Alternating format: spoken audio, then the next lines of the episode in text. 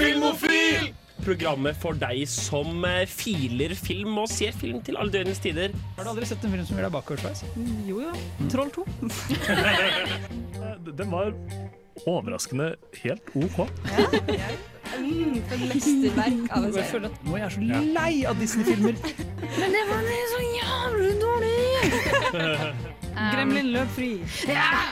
Du hører på Filmofil på Radio Revolt. Hasta la vista, Ja. baby. Hallo! Åh, velkommen til en splitter ny Filmofil-sending her på Radio Revolt. Med oss, Eivind Sæter, det er meg. Jeg har med meg i studio. Mina på teknikk. Og Håkon fra Nerdeprat. Oi, Og, og Ingrid fra Filmofil. Jeg tar, jeg, tar det, jeg tar det en gang til. ta det en gang til. det en gang til. Håkon fra Nerdeprat. Jeg er liten gjest i dag. Koselig, koselig. Vi har tenkt til å prate om litt av hvert. Uh, hovedsakelig litt sånn Battle royal-type ting pga. Uh, Squid Game sin svære popularitet akkurat nå. Så det, jeg tror dette blir bra, jeg. Dette er min første gang som programleder. Beklager for uh, nevrotisismen, men uh, dette fikser vi. OK, Vi backer. vi backer, rett og slett.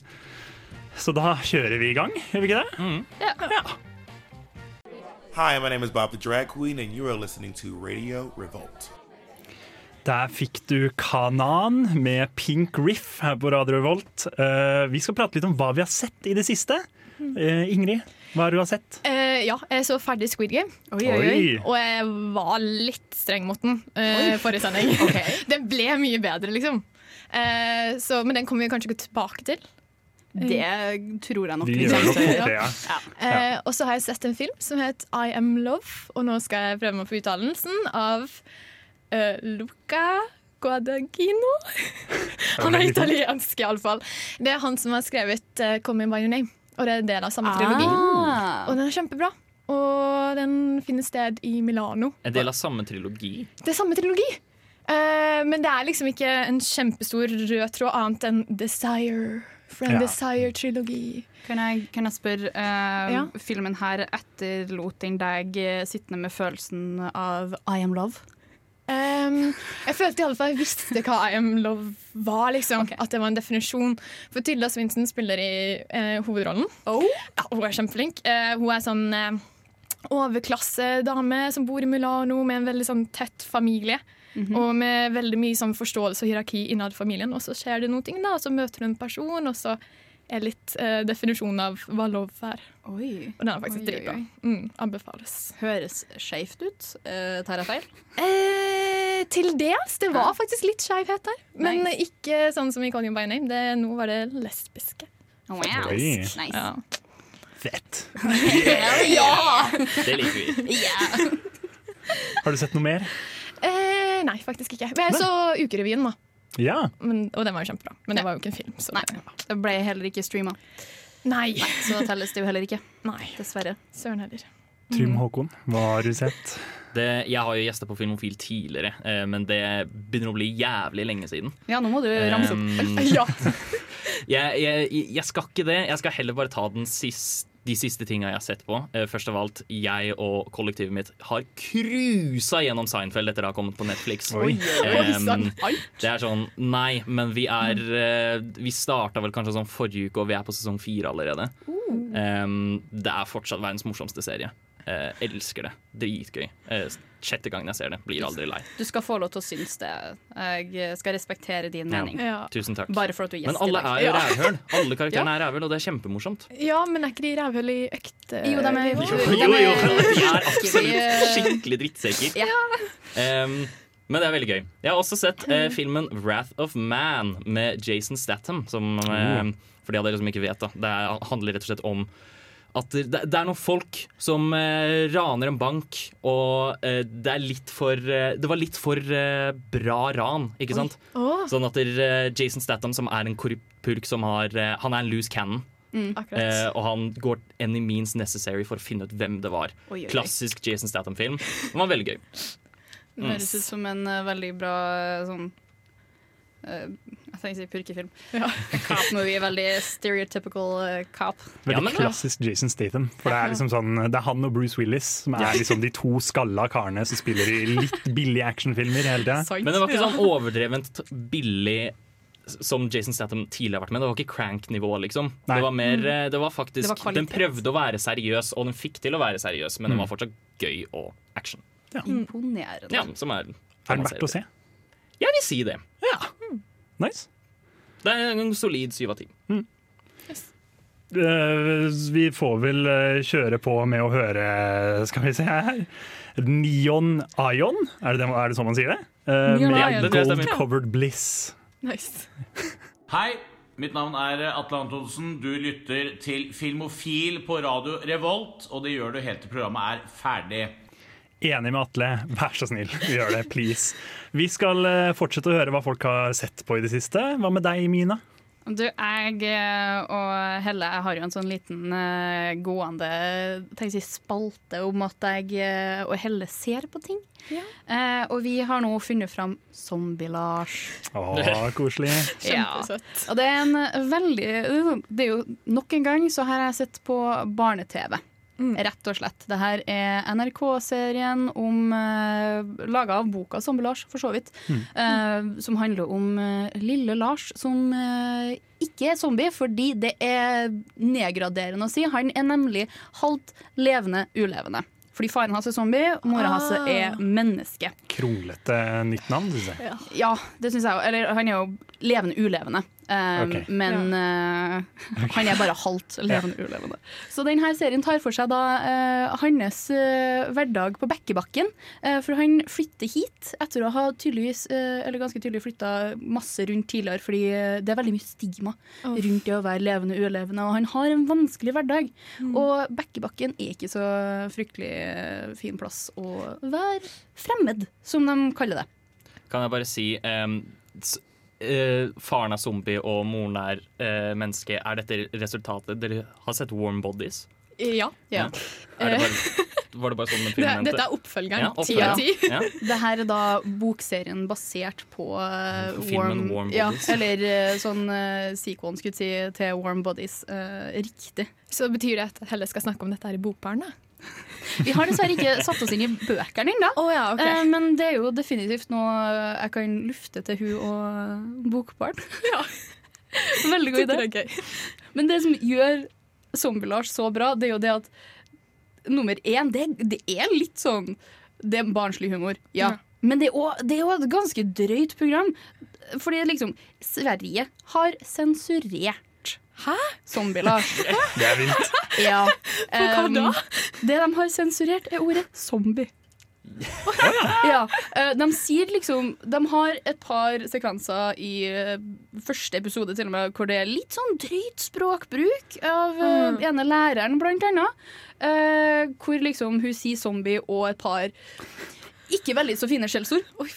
Eh, omtaler det om ene, ene eleven, hvor hun, eleven da får spørsmål hvor, ja, 'Camilla, hvor er du fra?' Og hun snur seg 'Trondheim'. Veldig gøy. Um, men det, det, serien bare er så bra, for du har ikke bare zombier, du har òg ninja, som er veldig tydelige angstbarn.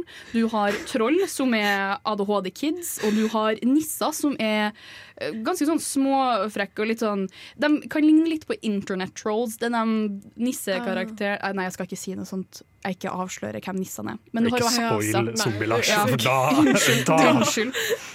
Men det her er jo problemet at eh, Bekkebakken og Norge generelt er ganske uh, fremmedfiendtlige. Uff. Eh, og de her uh, utenforstående stakkarsene de blir da kalt fremmed. Eh, og så har du òg da Folkeaksjonen eh, mot alt fremmed, som prøver å uh, finne alle de fremmede som lever i skjul. Og Lars stakkars, han klarer jo ikke å leve i skjul, for han er jo ganske tydelig halvt zombie. Ja. Eh, så det handler rett og slett om Jeg tror jeg har en svakhet for sånne serier hvor det er sånn karakterer med sånn tydelig sånn Kanskje litt sånn sosiale feil. Og det er sånn jeg, jeg må leve i et, i et mm, tilsynelatende normalt samfunn, og det er vanskelig for meg. Jeg vet ikke, det bare appellerer. Det er jo koselig. Ja. Jeg har, bare, jeg har sett ett klipp av Zombie-Lars, Ja. og eh, hvor de sier N-ordet. Det er liksom det eneste jeg har fått med meg fra hele serien. Det er den eh, Det scenen sånn jeg snakker om. hard R, ordentlig N-ordet. hvor gammel er denne serien? Eh, den er fra 2017. Men hva er aldersgruppen? Hva er målgruppen? Eh, målgruppen er jo eh, sånn kanskje Det? Men, sju-åtte Ja, ok. oppover. Okay. Så det er ikke sånn Det er ikke Fantorangen. Nei. Er det ikke. Nei, nei, nei. Um, Mm. Um, Men jeg, jeg syns samtidig den er veldig fin, for at den tar opp liksom sånn ganske tydelige politiske og sånn samfunnsmessige problemer som er veldig tydelige i samfunnet vi lever i i dag. Ja. Eh, bare at de vrir det om til at det på en måte fremmedfrykten blir om mytiske skapninger. Og det er kanskje litt lettere for barn å forstå. Ja. ja. Ja, men det høres ut som en kjempeserie, syns jeg. Anbefale på det høyeste. Barne-TV, rett og slett god norsk barne-TV. Nå skal vi eh, få høre uh, 'Bitterhet' med svenske tilstander.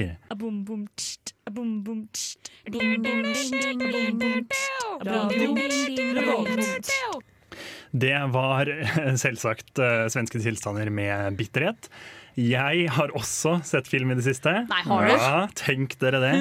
Og jeg eh, har nylig gått til innkjøp av noe veldig hyggelig. Jeg eh, brukte 450 kroner, mer enn nødvendig, på en, eh, på en liten bærbar DVD-spiller.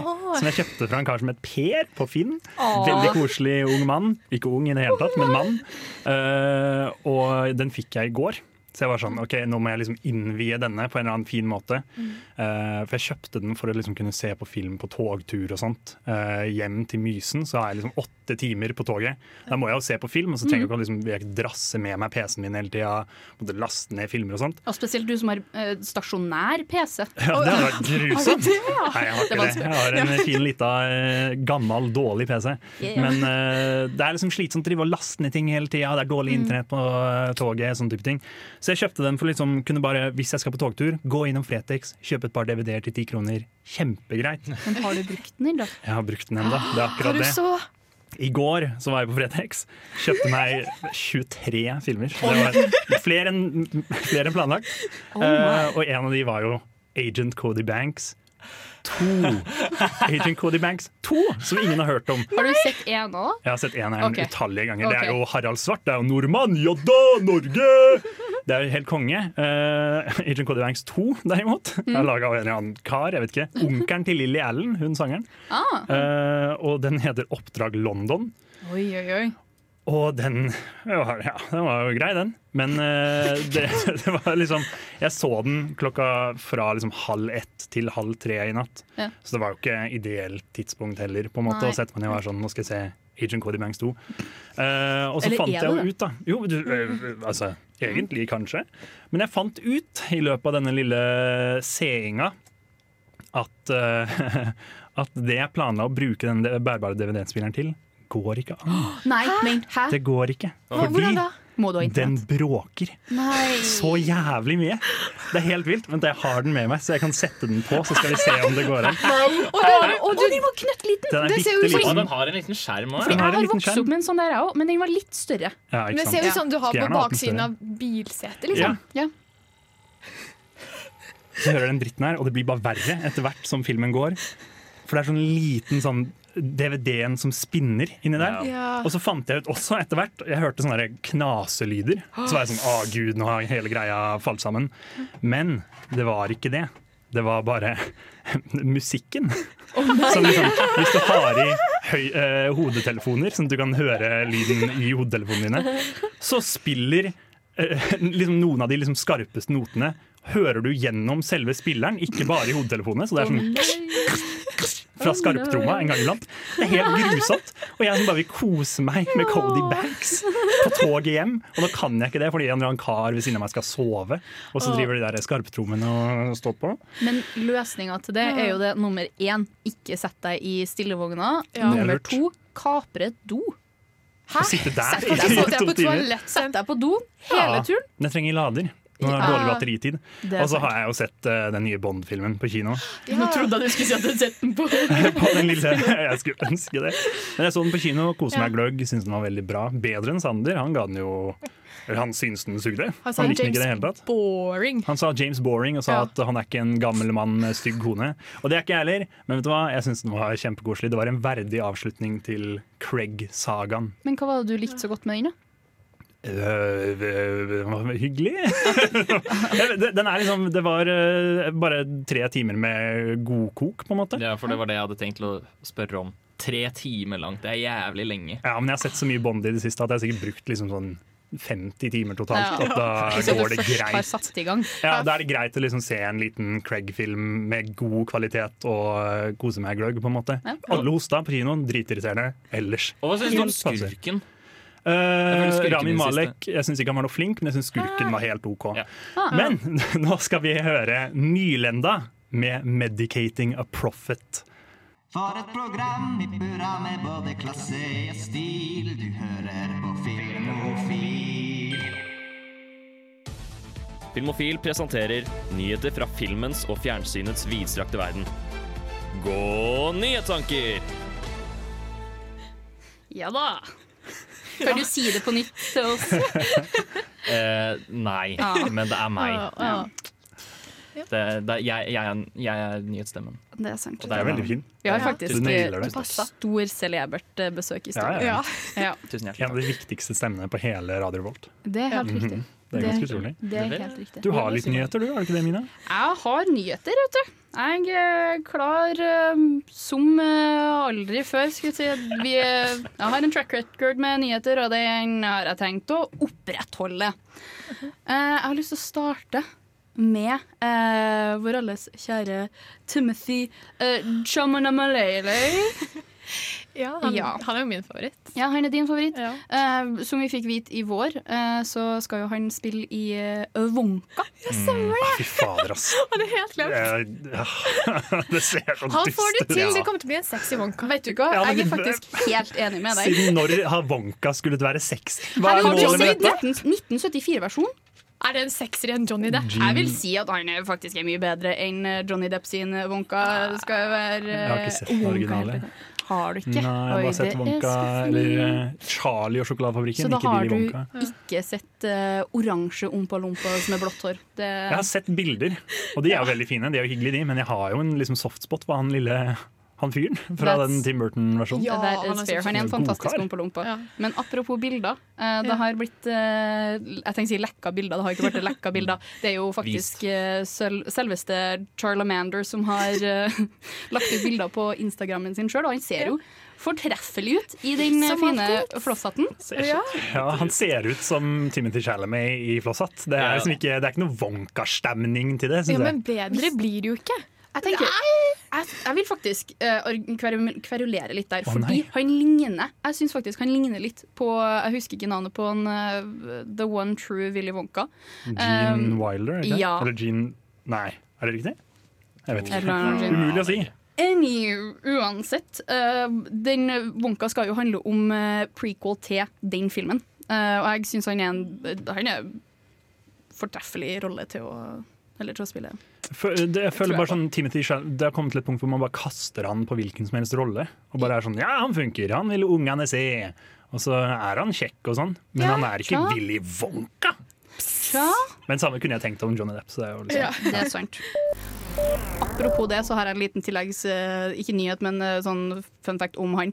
Uh, han har nylig kommet ut med sin, uh, sin hemmelighet til å gjøre det bra i en så ung alder. Og det visstnok det å gjøre no hard drugs og no superhero uh, movies, fordi det var tipset han Ja. Ja. En annen spennende nyhet som jeg gleder meg supermasse til, som jeg har prata masse om, ja. det er nemlig Critical Role sin uh, The Legend of Vox Machina. Som er da uh, DND-spillet uh, til Critical Role, som nå blir animert og kommer ut på Amazon Prime med 24 hele eh, episoder, hvor de da blir spredd utover eh, to sesonger. Og nå har det endelig blitt released en utgivelsesdato. Den Oi. kommer i februar. Jeg tror Oi. 4. februar, hvis jeg ikke tar helt feil. Det var kort tid til. Ja. Deilig, det. Ja, Og det var animert? Det er animert, og det er fantastisk anim animasjon. Eh, de har eh, på den eh, Twitch-streamen hvor de skulle tease litt, så hadde de blant annet både opplesning fra, um, fra manuset, og de hadde òg um, teasing av klipp. Virker det bra? Ja. Så nice. Jeg er veldig, jeg er veldig biased, men you know. Sånn, sånn er det, rett og slett. Uh, men uh, jeg kan fortsette med nyhetene uh, etter Etter, etter Jonas Alaska med 'Minute'. Fin fyr, fin sang. My name is Václav Marou. I'm a Czech producer, screenwriter, director, and you are listening Film or Film. Film og film. Ah, deilig å si det selv. Jeg føler alle som er host, er alltid sånn Ja, film og film, man sier jo feil, og så kan jeg gjøre det nå. Det er deilig. Ah, for et liv. Jeg føler meg privilegert. Vi har jo eh, vært og prata med noen folk fra gode gamle festivalen Ramaskrik, som vi skal på neste uke. Mhm. Gleder meg gløgg. Gjør du? Jeg gleder meg like mye hvert år. Eh, Det er alltid stor stas å få trene på Kulturhuset på Oppdal. Det blir veldig veldig bra. Det er bare jeg og Mina som skal. Ja. Skuffende. Det er grusomt, eh, men eh, det blir veldig veldig bra. Vi har prata med to derfra, Sølvi og Torbjørn. Og nå skal vi få høre litt hva de har å si om festivalen, og hva vi kan forvente oss i år. Snurr! Vi er her i studio. Jeg er Mina, har med meg Eivind. Hallo. Og fra Ramaskrik så har jeg med meg selveste Torbjørn og Sølvi. Hvis dere har lyst til å introdusere dere sjøl kjapt. Ja, jeg heter Sølvi Stokkeland. Jeg er bookingansvarlig og gjestkoordinator, og litt av hvert i Ramaskrik.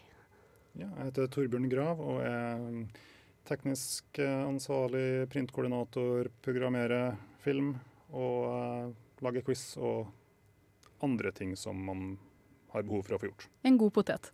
Ja, det er vi vel egentlig alle. Kan du starte med å si hei og velkommen, og takk for at dere ville komme på intervju.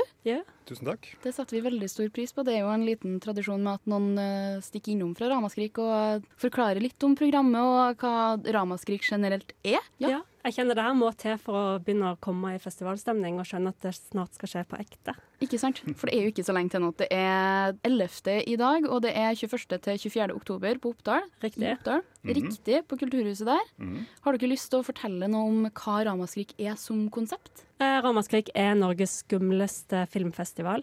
Det er fire dager i ei fjellbygd eh, som er ganske lett tilgjengelig, i motsetning til hva mange tror. Man tar toget fra Trondheim eller Oslo, og så er man der på et uh, blunk. Mm. Og så det, viser vi uh, I år viser vi 25 langfilmer, 10 kortfilmer. Vi har et uh, ganske stort program med presentasjon av kommende filmer, sånn work in progress, som går i forkant av filmene. Vi har quiz, det er utevisning på et gravfelt, og vi har generelt mye sosialt samvær utenom kinosalene. Ja, det var ganske bra oppsummert. eh, bra oppsummert det. Dere har jo jubileum. Det skulle jo egentlig være i fjor, som har blitt flytta til i år. Ja, vi er, er, I fjor var vi teknisk sett ti år. Da hadde vi en festival, en digital festival. Eh, så i år er det på en måte den tiende fest, ordentlige festivalen. Riktig. Så vi snikte en tiårsfeiring i år. Har dere noe eh, spennende på lur i forhold til den eh, tiårsmarkeringa, eller er det, går det som vanlig? Vi har jo et eh, fyldigere filmprogram enn noensinne. Ja. Og vi har veldig mange norske gjester på plass. Med kommende prosjekter og eh, noen kortfilmer og litt sånt. Mm. Og så kommer vi til å ha ei jubileumsutstilling på Kulturhuset med alle plakatene opp igjennom og en del bilder som vi har fått printa opp fra alle de årene vi har vært. Med gjester og sånn, eller? Ja, vi Ja. har jo en eh, Han som er kinomaskinist, eh, er også en entusiastisk polaroid-kamera. Oh. Så han har jo tatt polaroid-bilder av de aller aller fleste gjestene vi har hatt. Så, Så kult. Det har vi fått blåst opp til å henge på veggen. Ja. Eh, er det noe spesiell plass på Kulturhuset? Kommer du til å være liksom ute i eh, gangen og alene, skulle si, eller er det I galleriet. Ja. Um, der er det pleid å være litt forskjellig. Vi har Hatt litt plakater der, vi har hatt litt TV-studio der, vi har hatt kunstutstillinger som ikke har hatt noe med festivalen å gjøre. DVD-salg har det vært. DVD-salg, ja. Så det er i det området der, da, som Ja. er i forlengelse av kafeen. Så spennende. Så da blir det gode muligheter til å mimre, eller se hva du har gått glipp av. Ikke sant. Ja, dere har jo et eh, spennende program. Du snakka jo om eh, utevisning eh, Ja. på gravfeltet. Mhm. Kan du si litt mer om det? For det gleder jeg meg veldig til. Ja, det er um, ei drøy mil sør for Oppdal, på vei innover mot Drivdalen, er det vel. Der er det et gravfelt fra ja, det er bronsealder eller vikingtid, som er Der ligger det i hvert fall veldig mye begravde vikinger. Ja, Sikkert en del kjæledyr òg. Det vil jeg tro. Der har vi, vi satt opp busser fra fra Kulturhuset. Og så eh, setter vi opp et eh, ganske så stort eh, lerret der og viser Pet Cemetery. Um, Den originale. Den originale. Oh, Mm. Det blir kult. Det er Stephen King sin Ja. ad- Eller adaptasjon av Stephen King sin bok. Ikke sant. Ja. Da bør man ha litt varme klær. Eh, det er, vi satser på å komme i gang sånn omtrent litt før solnedgang, for det er fantastisk fin utsikt mot Oppdal fra det gravfeltet, Mhm. som eh, er greit å få med seg før sola går ned. Dere har jo lokalkunstner som har ordna plakaten i år. Ja, vi er veldig fornøyd med det. Det er en oppdalskunstner som heter Mali Anette Hoel, som har eh, rett og slett mala den plakaten. Eh, og den er vel faktisk mulig å få kjøpt, originalen. Under festivalen. Den vil være utstilt på Kulturhuset. Og hvis man har noen tusen å svi av, så er det mulig å kjøpe den. Den er ganske, den er ganske stor. Ja, det er jo mulig å se bilder av uh, lerretet på Instagrammen deres. Hun har jo også et eh, galleri i Oppdal sentrum. Eh, en artig historie der er at det er jo hennes gravfelt vi skal vise Petsemeteret på. Det er jo på gården hennes. Hei, dette er Nicolai Kleve Broch. Eh, Jeg vil bare si, hør på Filmofil, så får du med deg mye bra stoff om film. Dere, jeg har jo brukt og spurt eh, når dere er innom om at dere har noen favoritter sjøl fra programmet. Mhm. Eh, jeg vil gjerne trekke fram eh, to filmer. Det ene er en taiwansk film som heter 'Sadness', som er den eneste filmen vi har slått 18-årsgrense på i år. Oi! Det er en ekstremt voldelig pandemifilm. Det foregår i Taiwan, hvor det er et virus som går berserk. Det viruset gjør at folk mister absolutt alle hemninger når det kommer til vold og sex. Og eh, så følger vi et par som skal prøve å finne igjen hverandre midt oppi det her. Da. Den er veldig artig, ekstremt voldelig og veldig, veldig slem. Det høres eh, ut som en eh, god film å glede seg til. Og i motsatt, nesten motsatt ende av skalaen så vil jeg trekke fram eh, en film som heter 'Alone With You'.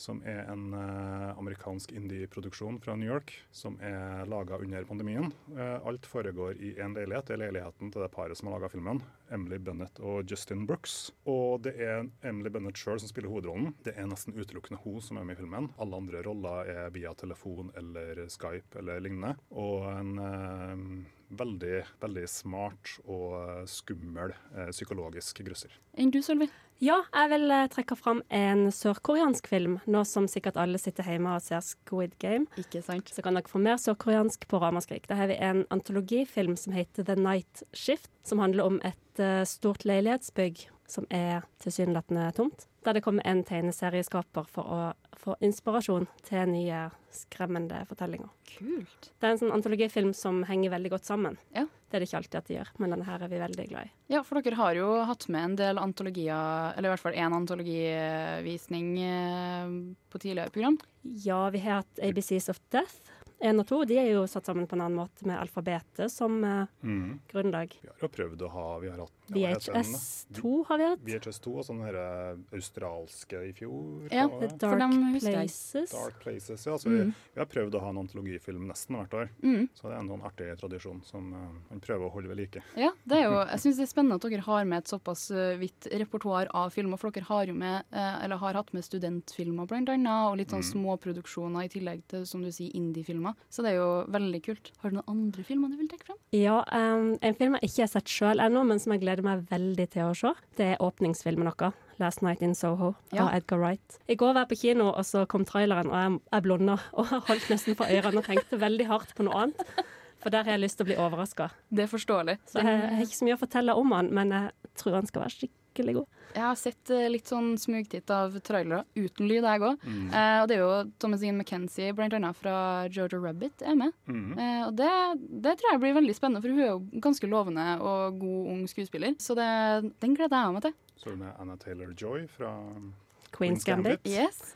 Alle Netflix-fans finner Ja. mye spennende på Og så er det den siste filmen til Diana Rigg før hun Ja, døde. Som er kjent fra Game of Thrones nå nylig, og tidligere On Her Majesty's Secret Service. Det er mye, mye spennende cast. Mm. Har dere noen filmer som sånn generelt man ikke må gå glipp av mens man er på Ramaskrik? Eh, Det er jo en gyllen anledning, en sjelden anledning til å se eh, Fuglen med krystallfjærene på stort lerret. Ja, for det er jo en eh, Gaio eller en Giallo. giallo ja. Mm. Jeg er flytende italiensk, som du hører.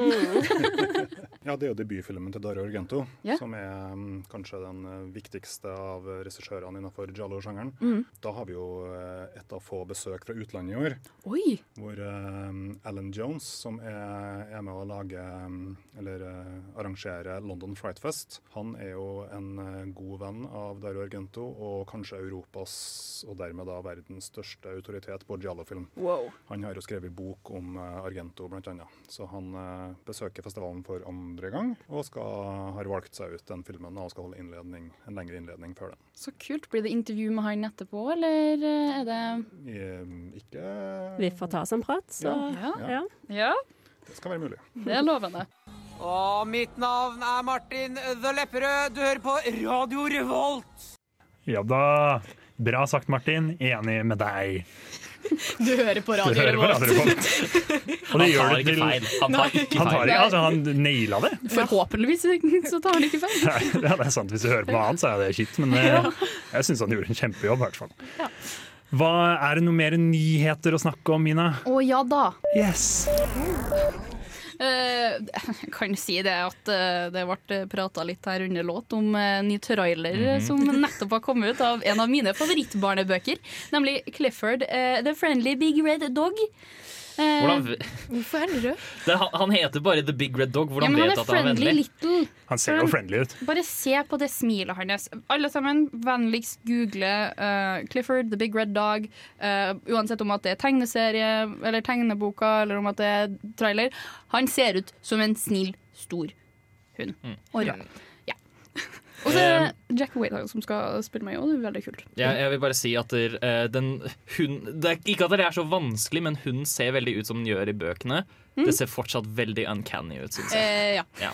Jeg skjønner ikke det. Det ser bare søt ut. Apropos eh, animasjon, eh, fordi det er jo en CGI-hund. Eh, en av mine favoritt-tegneserieskapere, Alex Hirsch, han har nettopp fått sin store drøm oppfylt.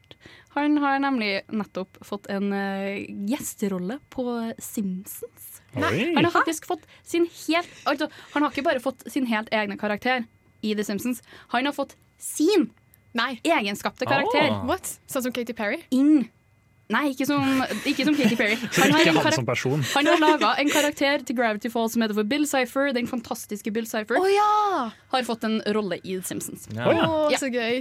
Så det, og han har vært en stor fan av Simpsons i eh, mange, mange år, så det Det er bare så trist at Simpsons suger nå. Ja, det er sant. gjør den Ja. det? Ja. Det er jo i sesong 99 000. Det er sant. Men det er jo så flott at det er én god episode nå, da, ut i Ja, den forhåpentligvis så er den god. sesongen. Ja. Eh, en av Jeg føler jeg, jeg, jeg bare tar opp favorittene mine. nyheter. Det er Det er greit. Fordi en serie som jeg håper andre ut der og har venta lenge på at sesong to skal komme ut, Beforeigners. Hmm. Er det den norske? Ja. Med disse vikingfolka Ja som kommer da, tilbake? Ikke bare vikingfolkene, det er òg uh, sånn uh, bronsealder og eh, 1600-tall. Eh, når eh, sånn Og så Henrik Ibsen-tid, liksom. Oh, ja, det er ikke Henrik Ibsen Ja. For det er tre forskjellige tidsepoker som uh, kommer tilbake, eller frem til fremtiden, vår tid. Hvor Ja. det blir sånn apokalypsetilstander. Uh, og jeg har venta veldig lenge, og håper andre har venta lenge, fordi det er en god serie. Ja. Uh, og ikke bare kommer sesong to nå før jul. Herman Flesvig skal visstnok være med. Oi, shit. Yeah. høres uh, Da blir det bra. spenstig ut. Det, det, det tenker jeg jo. Det jeg syns det er spennende. spennende. Er det Jeg- humorserie? Ja, det, det er drama og litt humor. Okay. Eh, fordi det er en sånn og Folk kommer fra fortida til fremtida, og så plutselig har folk ifra fremtida òg forsvunnet. What's Oi. going on? Men vet vi hva slags rolle Flesvig skal spille? For Kan han liksom spille Ibsen, liksom? Jeg, har, jeg tror ikke det. Jeg Ah. har ikke fått med meg hva han skal spille. Eh, Det er bare HBO Max sin pressemelding som har sagt at han er med på, eh, er med på rollen. Men Skjønner. Eh, Karista Kosonen og Nikolai Kreveblokk Kreveblokk. Kreve, eh, skal fortsatt være med. Eh, Fordi I mean, de er jo Alfir og Alfildr og Lars som er hovedrollene. Ja. Og så sist jeg eh, var så flink nyhetsanker, så hadde jeg en nyhet jeg var så gira på å eh, få lov til å fortelle om, og så glemte jeg den. Rett og slett eh, fordi Handy Andy Serkins Ja, Vi alle vet hvem Ja, Andy Serkings, er. Det er um, Gollum. Å ja! Ja. Mm. Ja. Eh, fordi Venom er jo eh, noe han driver på med, skal vi si. Dessverre. Dessverre. Hæ, dessverre. Det her er jo så fantastisk, fordi Let There Be Carnage har Andy Serkins sagt basically bare er en stor eh, coming out party for eh, Venom og Eddie. Nei. Yep. It's canon! og det, det, er ikke, det er ikke bare jeg som syns at det her er superbra. I mean, Tom Hardy har òg uttalt seg om at yeah, they're in love.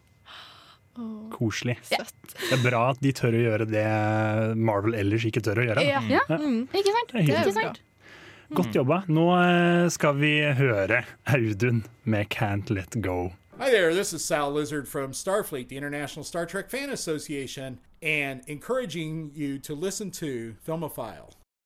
Takk for encouragement. Hyggelig gjort. Filmofile. Filmophile. Å, det er så deilig med sånne amerikanere Eller sånne ikke, Ikke norske. Det hørtes nesten rasistisk ut. Jeg skulle si sånn ikke nordmenn. Det er deilig. Det er, det er fint, det. Når de kommer og skal si filmofil. De får Sånne ikke til. Fremmede, Ja, sånne, som de Ja. sier Zombie-Lars. Sånn som ikke er fra, for å si det det er ikke sånn man sier det. Haha. Fool. Vi må jo komme oss inn på temaet til sendingen, på en måte. For vi skulle jo eh, snakke litt om Squid Game og eh, generelt Battle Royale-type Ja, greier. Stemmer det. Ingrid, har du lyst til å prøve å liksom definere hva som gjør en film til en Battle Royale-film? Hva er Battle Royale? Uh, ja, altså jeg vet ikke om jeg har så lyst, men jeg fikk nå oppgaven, da. Skal vi se. Uh, så jeg tenker det er sånn at du har mange spillere som må spille mot hverandre. Er ikke det bare så enkelt, liksom? Og så må ikke det bare være to personer, for da blir det jo duell. Men hvis det er Battle Royale, så er det veldig Det mange. kan jo forekomme duellsituasjoner. Ja, men da kan jo man kalle det duell. Mm Hmm, OK. Og det er gjerne til døden. Ja, ofte. Ja, akkurat ofte det? At man må liksom drepe andre for å selv overvinne. overvinne? Hvis ikke, så er det kjedelig. Overvinne og overleve. Overvinne døden. Overvinne Ja. døden. Akkurat. Så det er bare mange folk eh, dreper hverandre. Eh, overlev. Hvor mange er det som egentlig vinner? Er ikke det alltid bare sånn én person? Det er én person. Med er mindre du kommer på noe smart, sånn som i Hunger Games, på sånn siste sekund. Ja, for det er alltid én, men så er det alltid sånn Hva om vi timer opp og nekter å Ja, gi oss? Og så er det sånn, vi har et barn, vi Ja. venter barn. det funker jo dritbra. Men da blir det automatisk to vinnere, da, hvis dama vinner og hun har et barn. Det er sant, da blir det tre Ja, og det blir for mange. Men hvis de lyver, så er det jo teknisk sett bare to vinnere fortsatt. Ja, også Sant. problemet når de kommer ut. Men altså, de som arrangerer dødsleker, bryr seg jo ikke fryktelig mye om mannen er med å være far i de første åra, på en måte. Det er jo sant. De tåler at han dauer. Det føler, jeg- jeg føler Den uh, mentaliteten kommer kanskje fra romertiden og gladiatordagene. Ah, Fordi det det er jo litt liksom sånn, ja. Det er jo ingen uh, Jeg tror jo, jeg, skal ikke, jeg er ikke historiker. Jeg har aldri um, Mm. hatt særlig glede av å følge med i historietimene. Um, men jeg tror ikke det var særlig mange kvinnelige gladiatorer. ja, okay, det var Får det jeg. du skulle si. Var sånn Det var Battle Royale. Jeg, sånn, jeg har lest Asterix, og da var det to og to som gikk mot hverandre. Vet du hva, Jeg har faktisk eh, lest o Asterix og Obelix. Ja. Uh, no. Ja, tenker, du har jo sånn I uh, gladiatorsettinga så har du Ja. liksom Det kan være flere, og så har du jo det faktum at det ikke nødvendigvis trenger å være mann Eller person mot person. Ja. Mot person. Ja, det, det kan jo være person mot uhyre. Løver. Ja. Løver føler jeg Cæsar kunne tenkt liksom på. Ja, ja, ja. Det, jeg hadde det ikke Jeg vet ikke om det her er fake news, og jeg er dum og ble lurt, men jeg har hørt og tror på uh, blindt at eh, de hadde liksom vannbattles Ja, i ja. Kolo- eh, Colosseum. Det har jeg tror også det faktisk er ekte. At de, de, hadde liksom, de fylte opp i hvert fall et område med vann, Ja, og så kjempa de i vannet. Med skip og greier. Det er bananas! Med skip og greier, veit jeg ikke. Om de tok Jo, inn liksom sånn og Men tror du at det da er vannpolo-esk eh, battle? At de slåss over vann, i vannoverflata, prøve å holde seg oppå vann? Eller tror du at det er som undervannsrugby, at kampen er på bunnen av denne Det er vanskelig vanndammen? å si. Men det kan jo være, hvis det var gamle romertiden, så må det være dødskjelle og undervannskamp, og ingen så Ja, ingen det. kan jo se det. Det er sant. Det er dritkjedelig. Hva er Du poenget, da? du sitter på toppen og ser Og sånn, sånn, oi, prøver å lage, lage kikkerter med øynene. Sånn, med, Men øynene, med tenk suspensen da, når én kommer opp, og så er det sånn wow, der vant vi! Det er dritnice. Da ser ikke hvem det er engang! Men Yeah. Nei, jeg, eh, jeg stemmer for den. Hvis jeg, hvis jeg skulle arrangert en Battle Royale, skulle det vært en full sånn vanngreie. Ja, Med en kraken og noe Hai. sånt. Hai funker. James kraken Bond-stil. også. Ja. Ja. Kan haien vinne? Får haien lov til å vinne? Ja, Hvis haien gidder å prøve hardt nok, så Jeg tenker, det Hvis at løven gå. kan vinne i en gladiatorkamp, så kan jo haien Ja, eller er det sånn at de bare sånn sender ut ny person på ny person til de tar haien? på en måte Godt River opp gjellene. Ja. stakkar, Ja, slår nei. i den lille nesa. Jeg tror Det har vært interessant å se uh, kamp med en blekksprut. Ikke bare for at jeg er biased med at det er mitt eh, favoritt uh, Favoritt er mitt favorittord i kveld. Eh, det er mitt favoritthavdyr. Blekksprut? Blekksprut de er så smarte, og de, de, de har så mange armer. Ja. De kunne ha slåss med sånn åtte forskjellige folk samtidig. Jeg tror jeg hadde greid meg ca. 15 sekunder, kanskje, mot Kommer en det an på blekksprut. Er det en sånn bitte liten blekksprut eller en stor en? Akkar eller en Ja, akkar, ja. eller sånn eh, dypshavs eh, Ja. eh, blekksprut som ofte blir eh, tatt feil av som kraken. Ja, litt forskjell. litt. Jeg tror forskjell alle er sterkere enn man tror, for å være helt ærlig. Jeg tror det er kalamari det er snakk om. Ja. Fritert Det, er- det skulle jeg skulle fått til, faktisk. Det er ikke så godt, ass. Ja.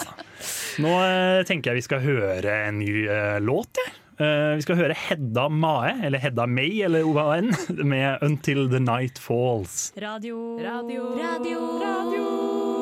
Revolt!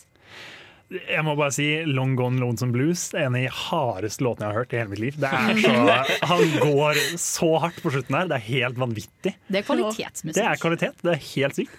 Eh, vi har definert Battle Royale, hva det er, hva sjangeren er. på en Mhm. måte. Og nå skal vi komme litt inn på eh, altså litt mer konkrete filmer som tar for seg greiene. Da må vi jo på en måte starte med de to store som folk tenker på med en gang. Ja. Som er Battle Royale. Mm. Passer, altså Bra navn, det passer Ja. veldig fint. Eh, Den japanske filmen, tror jeg. Og. The Hunger Games, som tilnærma alle har et forhold til, føler jeg. Ja. Ja. Hvis du ikke har det, så har du levd under en stein de siste 15 årene. Noe sånt. noe. Ja. Ja. Altså, bøkene kom jo ut før filmene, så liksom ja. Ja. Mm. Men bøkene føler jeg Jeg hadde ikke noe forhold til de nødvendigvis før filmen ble annonsa. Da var jeg sånn Å ja, OK, så det er en greie. Ja, For det var så kult konsept, på en måte. Jeg føler det kanskje er en litt mer sånn eh, jentete ting. At det, Ja. det samme med Twilight-bøker nå. Det er litt der. Men jeg jeg husker jentene jentene i liksom- klassen min var sånn ah, Hunger Games er bra. Og så var jeg sånn, OK, Ja. kult, da leser jeg den. Jeg var jo liksom en sånn John Green-stan og oh, for- lese Divergent og sånne ting. Ah. Så jeg var liksom eh, Jeg var på det kjøret der litt. Du har lest kvalitetslitteratur. det har jeg. Jeg har en sånn samleboks med alle Divergent-bøkene. Ja. Dritfett. Uh, ja, hva, hva, er det noen som har sett Battle Royale her? Jeg har sett den eh, for lenge siden. Ja, det, det, det er ganske, ganske lenge siden. Men, men det filmen handler om, da, er jo rett og slett eh, Det er en gruppe high school-studenter som blir tvunget til å slåss til døden eh, av det totalitære regjeringen i Japan. Det er kjipt. De skulle Ja. på klassetur, og så ble de gassa ned og tatt med til en, eh, en dødskamp. Hater er når det skjer, altså. Jeg skulle Ja, ønske at det skjedde med meg når denne klassen Skal være helt der. Vondt. Nei, jeg bare tuller. Jeg bare tuller. Jeg er ikke, så voldelig. En ting, som, var- en ting som er veldig gøy å nevne med Battle Royale, er jo at den, den var så kontroversiell at den var bannlyst enkelte steder. Ja, stemmer det. I Nord-Amerika i alle fall. Sikkert i Norge òg. De var ganske harde på bannlysinga en stund. Ja. Men det er jo kids som fighter mot hverandre, er ikke det? Ja. Ja, det er mye blod og gørr og Ja. Litt eh, Det er vel noe selvmord og noe greier inni der også, så det er ganske mye div. eh, vanskelig. Kan jeg også nevne at den her er basert på en novelle, så det er filmatisering av eh, Vakre Magna? Ja, det, Eller blander jeg nå? det er i hvert fall skrevet format i Ja, ja. første omgang, liksom. Ja. Eh, Jeg tror kanskje jeg blander. Ja, det er, jo, men det er jo faktisk I Japan så er det jo ganske mye av manga som blir filmatisert. Ja. Så den eh, tankegangen der er ikke nødvendigvis helt feil. Og hvis det ikke var en manga fra før, så har det sikkert blitt det i etterkant. Definitivt. Vil jeg tro. Ja. Men jeg tror sånn sammenligna med uh, The Hunger Games, så jeg har jo ikke sett Battle Royale. Det er en uh, stor skam jeg står og bærer på. Um, så det her er jo definitivt en eh, litt mer uh, nitty-gritty, eh, hardcore eh, film eh, enn eh, The Hunger Games. Den kom Ja. ut i 2002, Mm. ikke tolv år, 12 år før Ja. The Hunger Games. Ja, for jeg lurte på, fordi alle sier The Hunger Games rippa liksom off Battle Royale. Men dere, har dere sett begge, liksom? Jeg har sett begge. Jeg føler ikke nødvendig altså, Det er jo ikke det sykeste, mest sånn Holy shit, du kunne jeg aldri kommet på sjæl, konseptet. sant. Masse folk slåss.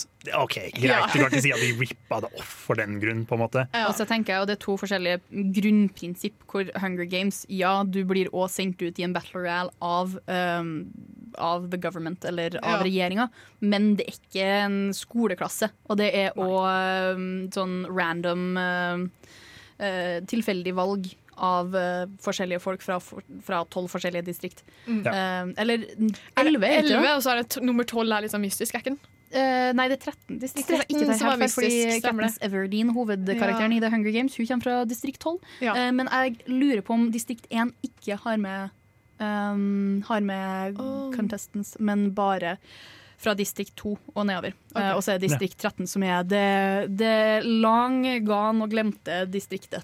Ja, stemmer. Jeg tror det heller er bedre å si at Battle Royale i dette tilfellet er sjangerdefinerende. Ja. Ja. For, eh, framfor at The Hunger Games rippa off Battle Royale. Definitivt. Definitivt. Uh, det vil jeg også si. Mm. Eh, Ja. Sånn, I mine øyne så er egentlig det eneste like. Jeg kan jo ikke si noe på hvordan kampen i Battle Royale-filmene utspilte seg, men i, som jeg har oppfatta det, så er The Hunger Games uh, det eneste som er likt mellom dem, er Ja. regjeringa, liksom. Ja, Det er jo på en måte småbegrensa hva du kan gjøre med det når konseptet er disse folka slåss og dreper hverandre. på en måte Mm. Uh, Og ikke noe mer sånn gimmickete enn det. Eh, Da blir det jo på en måte relativt likt, men det er jo ikke helt identisk. Det er jo ikke et problem at det er slikt. på en måte Det er sant. Ja. Men sånn, jeg har lyst til å For jeg vil slå et slag for uh, streaming og Twitch som eh, TV-underholdning. Mm. Vil dere si at DND-streams av Battle Royales eh, telles? Eh, som, eh, som filmofil, liksom? Ja. ja, ja. Altså, vi diskuterte om liksom sånn BuzzFeed Unsolved og BuzzFeed Supernatural. Og hvis Som en det Battle Royal? Nei, ikke som ja, Battle okay. Royal, men noe vi kunne snakke om. Men sånn free, free for all-campaigns som streames. Som på en måte Ja. blir et narrativt som, u narrativ som utfolder seg. Men er en Ja. Fortnite-stream da også det? Nei, for det er ikke en samme Hvis at det er roleplay, Ja. så vil jeg si det. Fordi det finnes streamere som har um, roleplay. Men går det da uh, den uh, veldig tynne linjen mellom spill og film? Ja, men Vanskelig å si. Vanskelig Umulig å si. si. Vi skal uh, gå videre og høre skal, Det er vanskelige navn, ass. J00 med Bermuda. Hi, it's Tony DeCino here, writer and director of The Furies, and you are listening to Film O Phil. Det gjør du. Det gjør du.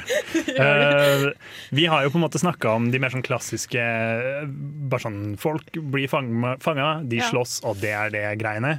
Nå skal vi ta for oss litt mer sånn skrekkelement i det. For det er jo på en måte et perfekt konsept for en skrekkfilm. Ja. Det føler jeg. Ja. Altså, det perfekte eksempelet er jo eh, Dere fikk jo nettopp høre Tony Dakino, som eh, var på Ramaskrik eh, for to år siden. Eh, Ramaskrik 29. Mm, ja.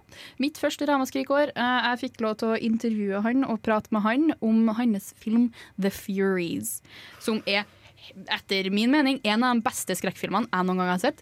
Det er, den starter med noen jenter som blir bortført, og de våkner opp i kista. Æsj, så Eh, creepy. Og det er veldig sånn Jeg vil ikke si at det er lavbudsjettfilm, men det er kind of lavbudsjettfilm spilt inn i Australia sin eh, bush, eh, hvor det er veldig sånn tynne trær eh, med sånn ganske flatt og halvåpent landskap. Mm. Uh, og de finner ut etter hvert det at uh, ikke bare blir de jakta på, de blir òg overvåka gjennom sine egne, eller sitt eget øye. Jeg vil bare kjapt komme med innspill her at the tagline til denne filmen var 'Stay alive or die trying'. Passende. Ja, Og det som er greia her, er at du har liksom The Beauties and the Beasts. Og hvor det er uh, The Beauties som skal prøve å holde seg i live, and you got the Beasts. Ah. Eh, og det er en liten plot twist der som jeg ikke har lyst til å avsløre for noen som eventuelt har lyst til å se den, fordi det er dritbra, og det er kun uh, actual uh, sånn practical effects i filmen. Det er, ingen, Det er gøy. veldig lite Ah. CGI. Deilig. Så vent, Lønner det seg å ikke være pen? Liksom, er det bare pene jenter som har blitt på? Hvis du er stygg, så greier du deg Ja, I mean, kjempefint. Beauty is in the eye of the beholder. Eh, Ah, ok. Så liksom eh, jeg, vil ikke si at det er noen fordel av være eh, mindre sånn eh, normativt attraktiv, attraktiv men eh, ja. Det høres jo veldig uh, likt ut som Det er en gammel ass sånn found footage-film. Kanskje, Jeg tror kanskje det er den første found footage-filmen. Som uh, heter um, Punishment Park. Oi. Som er liksom en gammel film om et totalitært USA, hvor en haug med liksom hippier og sånne folk som har stått opp mot, mot staten, blir sendt ut i en slags ørken. Hvor de, eller de får muligheten da, enten fengsel dritlenge eller Mm. å bli sendt ut i en ørken i to dager. Og da skal Mm. de gjennom den ørkenen. Hvis de kommer fram til et eller annet sted, så eh, får de lov til å slippe fengsel. Men de blir jakta av politiet på veien. Så det er liksom uh, bare en ja, det, er, det er jo ikke Battle Royale på en måte, for de fighter jo ikke tilbake. Eller det er liksom ikke lagt opp til at de skal det, da. de gjør jo på en måte det etter hvert. Men uh, det er en ganske intens film. ass. Det er sånn uh, bare politi som skyter uskyldige, på en måte. Det er hele greia. Det er jo ikke Battle Royale, men det følger på en måte samme prinsipp. Mm. Ja. Så Det er den funker dritbra. Men jeg føler at det er litt lov, med tanke på at det er liksom horrorsjangeren, eller skrekksjangeren, hvor det Ja. er litt sånn du kan he, spille på Battle Royale, Mm. eh, og på en måte eh, skrekkfilmer som kanskje gjør en uh, Makes a game out of life and death, som sa jeg ikke direkte Det er ikke Battle Royale, men jeg føler at på en måte Saw og Wrong Turn på en måte, de passer godt inn i en sånn subsjanger av Battle Royale, hvor at det er noen som sitter og rett og slett leker med deg, Mm. og du skal prøve å overleve.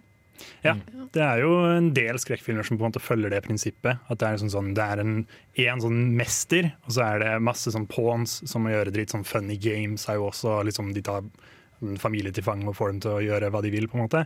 Den type ting. Ja, den der Ready or Not-filmen fra 2019. Det er jo en sånn comedy-horror-greie Mm. der man spiller gjemsel.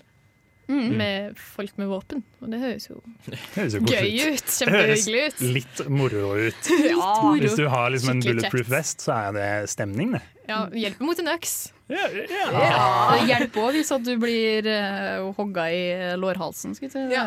Ja, ja. Ja, men da må du bare være bedre til å rømme. Eh, Så det er jo greit. Iser. Ja. Jeg prøver å komme på Det var en film eh, på Ramaskrik i fjor som jeg ikke klarer å huske på navnet på. For the life of me. Um, men det òg var veldig sånn um, spill um, taktisk, hvor det faktisk òg var flere, men det er liksom Det er flere satt inn i liksom etter hverandre. eh, som òg er en veldig bra film. Så hvis jeg kommer på det, da skal jeg prøve å få formidla det. Nå skal vi høre Thea Paulsrud med Safe Haven. For et program i burra med både klasse og stil. Du hører på Filmofil. Du hører på Filmofil. Det er den beste jingeren noensinne. Jeg elsker den. Ja. Eh, nå skal vi gå videre til å prate litt om eh, altså Squid Game, da, blant annet. Vi skal ta for oss seriene Yes. som har med denne Battle Royale-greia å gjøre. No, yes. Er det noen serier utenom Squid Game som på en måte takler det samme? Ja, det er jo Alice in Borderline, da. Det er det. Som eh, kom før Squid Game, her japansk. Og grunnen til at jeg var veldig skeptisk til Squid Game, for jeg skjønte jo ikke hva, hva er greia, jeg har jo nettopp sett en sånn en. Liksom. Men kom det i år, det også? Den kom i 2020. Å ja, okay. Okay. Da var det bare jeg som så den Så det er brand spanking new, begge to? Ja. Eh, og den var veldig bra. Hva, eh, for, for en som ikke har sett Alice in Borderland, Ja, ok. eh, hva er det som skiller denne fra Squid Game? Jo, det er, de får jo ikke på en måte valget. De bare plutselig blir borte, og så havner de i en verden med ingen mennesker. Mm. Og så istedenfor å liksom kunne vinne pengepremier, så er det sånn at de har nødt til å spille spill for å få antall dager til å overleve. Ja. Og okay. så er det forskjellige nivåer der. Og så har det på en måte i likhet med Squid Game på en måte blitt en sånn mafia, eh, tøffe gjeng som driver og dominerer dette spillet og sånt. Som ser på dette for gøy og uh, ja, litt sånn der vi skal bare De tror de har funnet ut hvordan de kan slå systemet. Å ja. Men eh, det er jo litt usikker. Og så er det forskjellig, det er basert på kortstokken. Og de forskjellige liksom eh, Lekene? ja, Eller Det er sånn Hjerte, for eksempel. Det betyr at da kommer til spillet å involvere noe at du må kanskje ofre en venn, eller noe sånt. Oi, Det går på liksom Ja. det sentimentale. Så det er sånn som Squid Game, at det er liksom forskjellige er. forskjellige små leker som du må fullføre. For jeg føler Ja. veldig få Battle Royale-ting gjør det. Det er Ja. ofte bare sånn herre Dere skal drepe hverandre. Yes. På! Ja. Mens liksom begge disse to som kom rett ved hverandre, Ja. har liksom akkurat samme som det er små leker, de koser seg, og så må de jo drepe Ja. hverandre. da. Men så er det jo den der veldig vesentlige forskjellen at de har faktisk ikke noe valg, og de må Ja. jo faktisk gønne på, liksom. Og de Ja. tjener jo ikke noe annet på det annet enn dager, men de vet ikke hva dagene fører til. For jeg har ikke sett Squid Game ennå. Um, heller ikke Alice in Borderland. Uh, jeg er full av skam i kveld. Men uh, er det da forskjell Squid Game, som jeg har forstått det, da Mm. eh, blir man med fordi at man kan tjene på det? Ja, man, man får flere ganger uh, muligheten til å trekke seg. Mm. Ja. Uh, eller det er liksom mm, menneskene samla får mulighet til å trekke seg. Ja, hvis flertallet Ja. sier at de skal trekke seg, så gjør de det.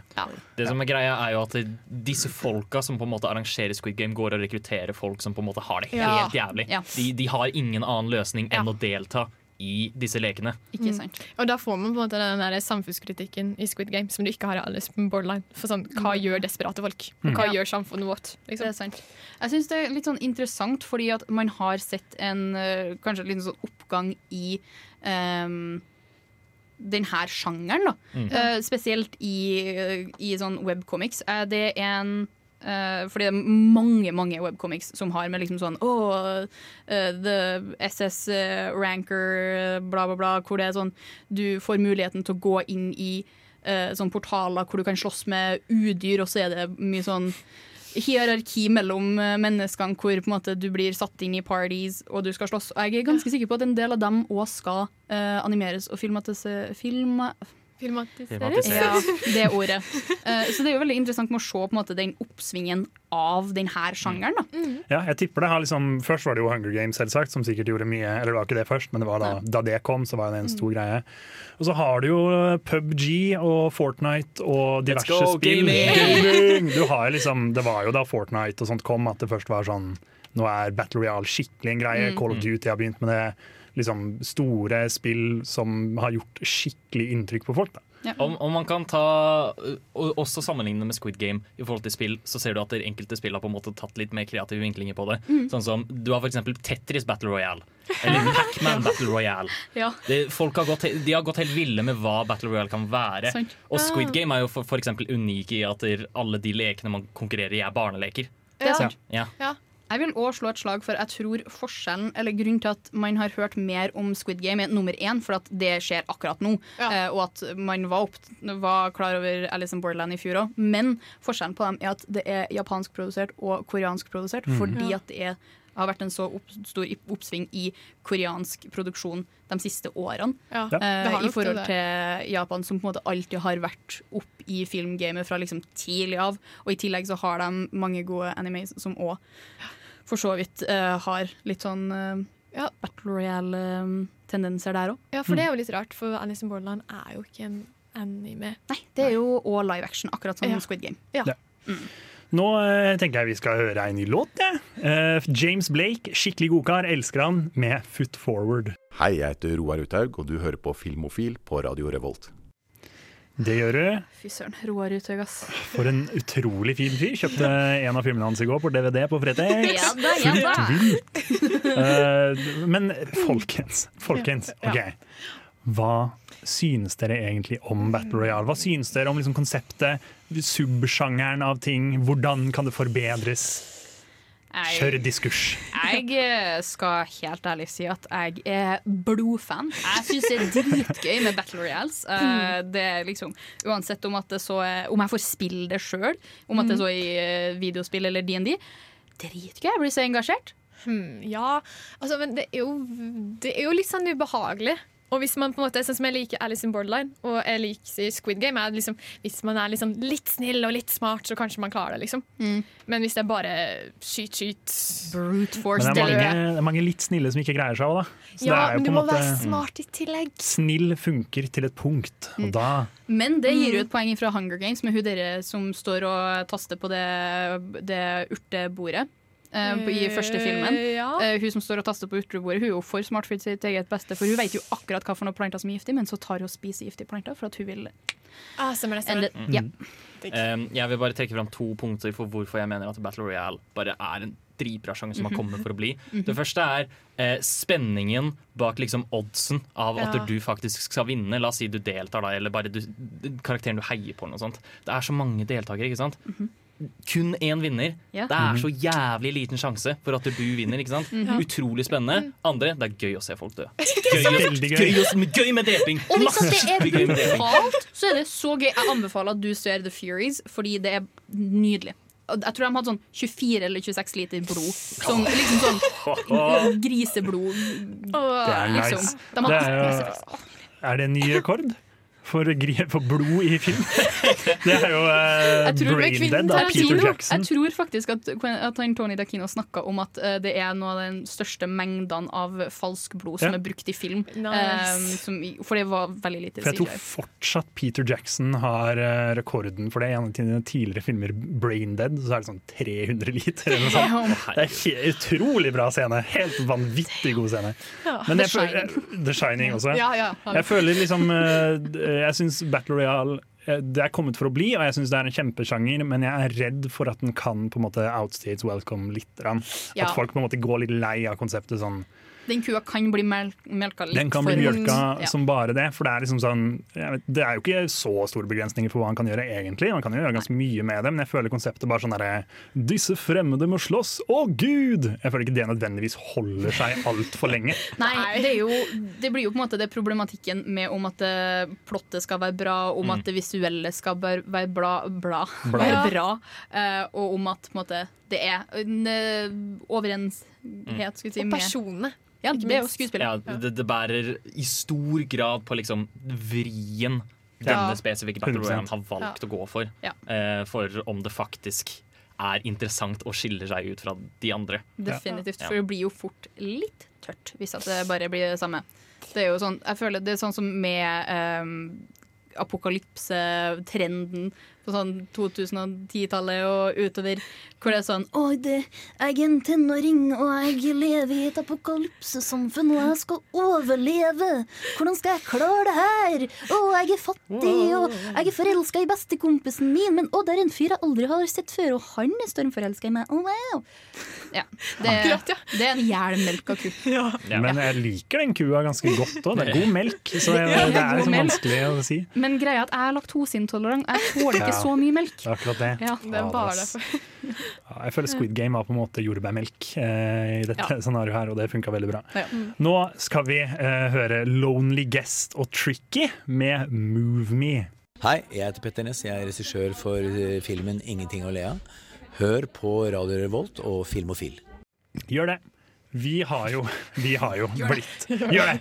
Vi har blitt glad i uh, denne nye spalten jeg har fått inntrykk av, i hvert fall relativt ny, at vi har begynt å på en måte anbefale ting som går på kino nå. Ja da! Sånn at uh, det fine folk, de fine studentene her i Trondheim kan gå og kose seg litt med en god film og masse folk rundt seg som snufser og hoster og diverse. Gosse seg med det gode kinotilbudet vi har. Kose seg med det gode. Men uh, Mina, har du noen filmanmeldelser Ikke anmeldinger, Ikke- anbefalinger. Ikke anmeldelser, men jeg har anbefalinger. Jeg har uh, tatt en liten vri i kveld, i dag, Um, fordi jeg vil anbefale um, to filmer. Oi. Eh, The Velvet Underground mm. og Away, Ah. som vises søndag på Cinemateket. Yeah. Nice. Hva, hva er de? Eh, Cinemateket er jo eh, Hva er filmene? Ah, ja, filmene. Er det som band, liksom? Ja, The Velvet Underground, en eh, dokumentar om eh, om bandet. The bandet. Velvet Underground? Nice. Bandet. Eh, The Velvet Underground er en månedsfilm. Veldig gøy hvis jeg har vært på Oslo Cinemateket nå. Det, ja, Away er en baltisk animasjonsfilm som handler om en liten gutt som uh, våkner på en hemmelig øy dekka av skog. Orken, ør, orken faktisk, ørken og laguner. Uh, og den ser veldig fint Ja, animert ut. den ser skikkelig bra ut. Jeg har skikkelig lyst til å se den, faktisk. Mhm. Så eh, jeg gleder meg til å se den. Ja. Ingrid, har du noen anbefalinger? Eh, ja, jeg har jo ikke sett den selv, da. Eh, men det er en film som heter The Last Duel.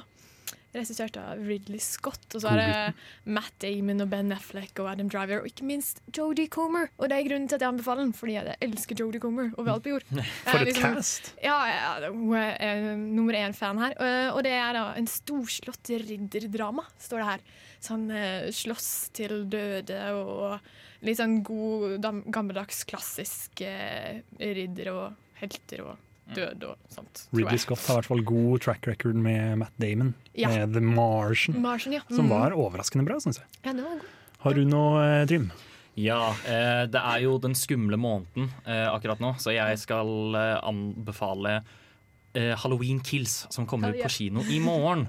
Eh, dette er en direkte oppfølger til Halloween fra 2018. Um, og er det andre filmen i en planlagt trilogi. Neste Mm. film, Halloween Ends, kommer om et år cirka. Um, men den har fått veldig god kritikk. Jeg likte ikke den forrige filmen så veldig godt, men denne her har fått bedre kritikk.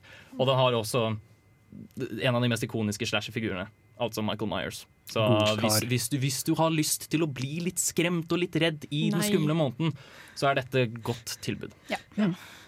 Jeg har jo vært og sett på film på kino, på en måte, så jeg må jo ta på meg den. Og det er jo eh, nye, gode, gamle Bond. James, siste til Daniel Craig. Veldig trist, men det Mhm. går bra. Jeg syns han er helt konge. En av mine favorittbonder. Faktisk kanskje min favoritt. Eh, ja, ja, ja, For jeg har liksom ikke vokst opp med noen av de andre. Jeg tror det er derfor jeg liksom vokst opp med Craig og ingen av de andre. Og jeg synes det er bra filmer, ass! Eh, og jeg synes det var en verdig avslutning med godkok og bra bilkjøring og greier. Heite damer og ja da! Hele Bond... Biler og brå- bråter. Biler og bråter som tuter og båker. Og så damer.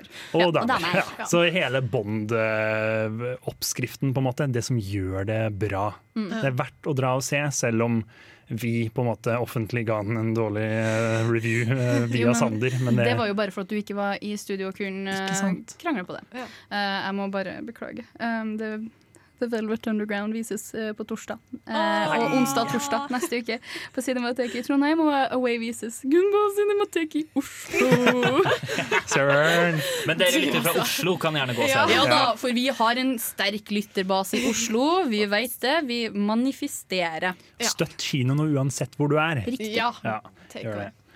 Nå skal vi eh, komme oss videre. Vi skal høre Wet Leg, som er et kult navn, med låta Wet Dream, som er et kult navn. Jeg heter eh, ja, Hva står det her, da? Eh, bare bare Egil står det her. Eh, du hører på Radio Revolt. Bare Egil, god fyr. Bare Egil hører bare på Radio Revolt. Bare Egil. Så eh, bare så det er sagt. Int altså, jeg har fått autografen hans og greier. wow. Det er ganske, ganske ordentlige greier. Ja, ja. Dro hele veien fra Spydberg til Oslo for å møte gutten. Dritfett. Vi har vært gjennom en utrolig sending her, har vi ikke det? Jo. Ja, vi For en reise. eh, Ja. For en reise. Snakka om Battle Royale-filmer, snakka litt om uh, Squid Game, litt Div. Det har vært kjempebra. Vi Vi har prata om ramaskrik. vi har pratet om Ramaskrik, hørt intervju Ja, fra ja. Ramaskrik. Vi har hatt utrolig bra besøk. Ja. Tusen takk vært, for at du ville komme. Det har vært veldig hyggelig for min del òg. Tusen takk. Det har vært så eh, helt nydelig. Vi har kost oss, rett og slett. Ja. Kunne ikke kost oss mer. Og du har vært veldig flink. Tusen takk. Ja. tusen takk. Det var litt stressende. Det skal, jeg skal ikke nekte for det, men uh, det, sånn gikk det. Må da være lov. Det må da være lov, syns jeg. Ja. Så jeg øh, jeg er fornøyd. Det var veldig fint. Takk for at dere hørte på. Vi har vært eh, Mina på teknikk. Ja, sant. Eh, Ingrid på Hvaler. Håkon her. Eivind på øh, host. Yes. Takk for oss. Ha det bra. Ha det.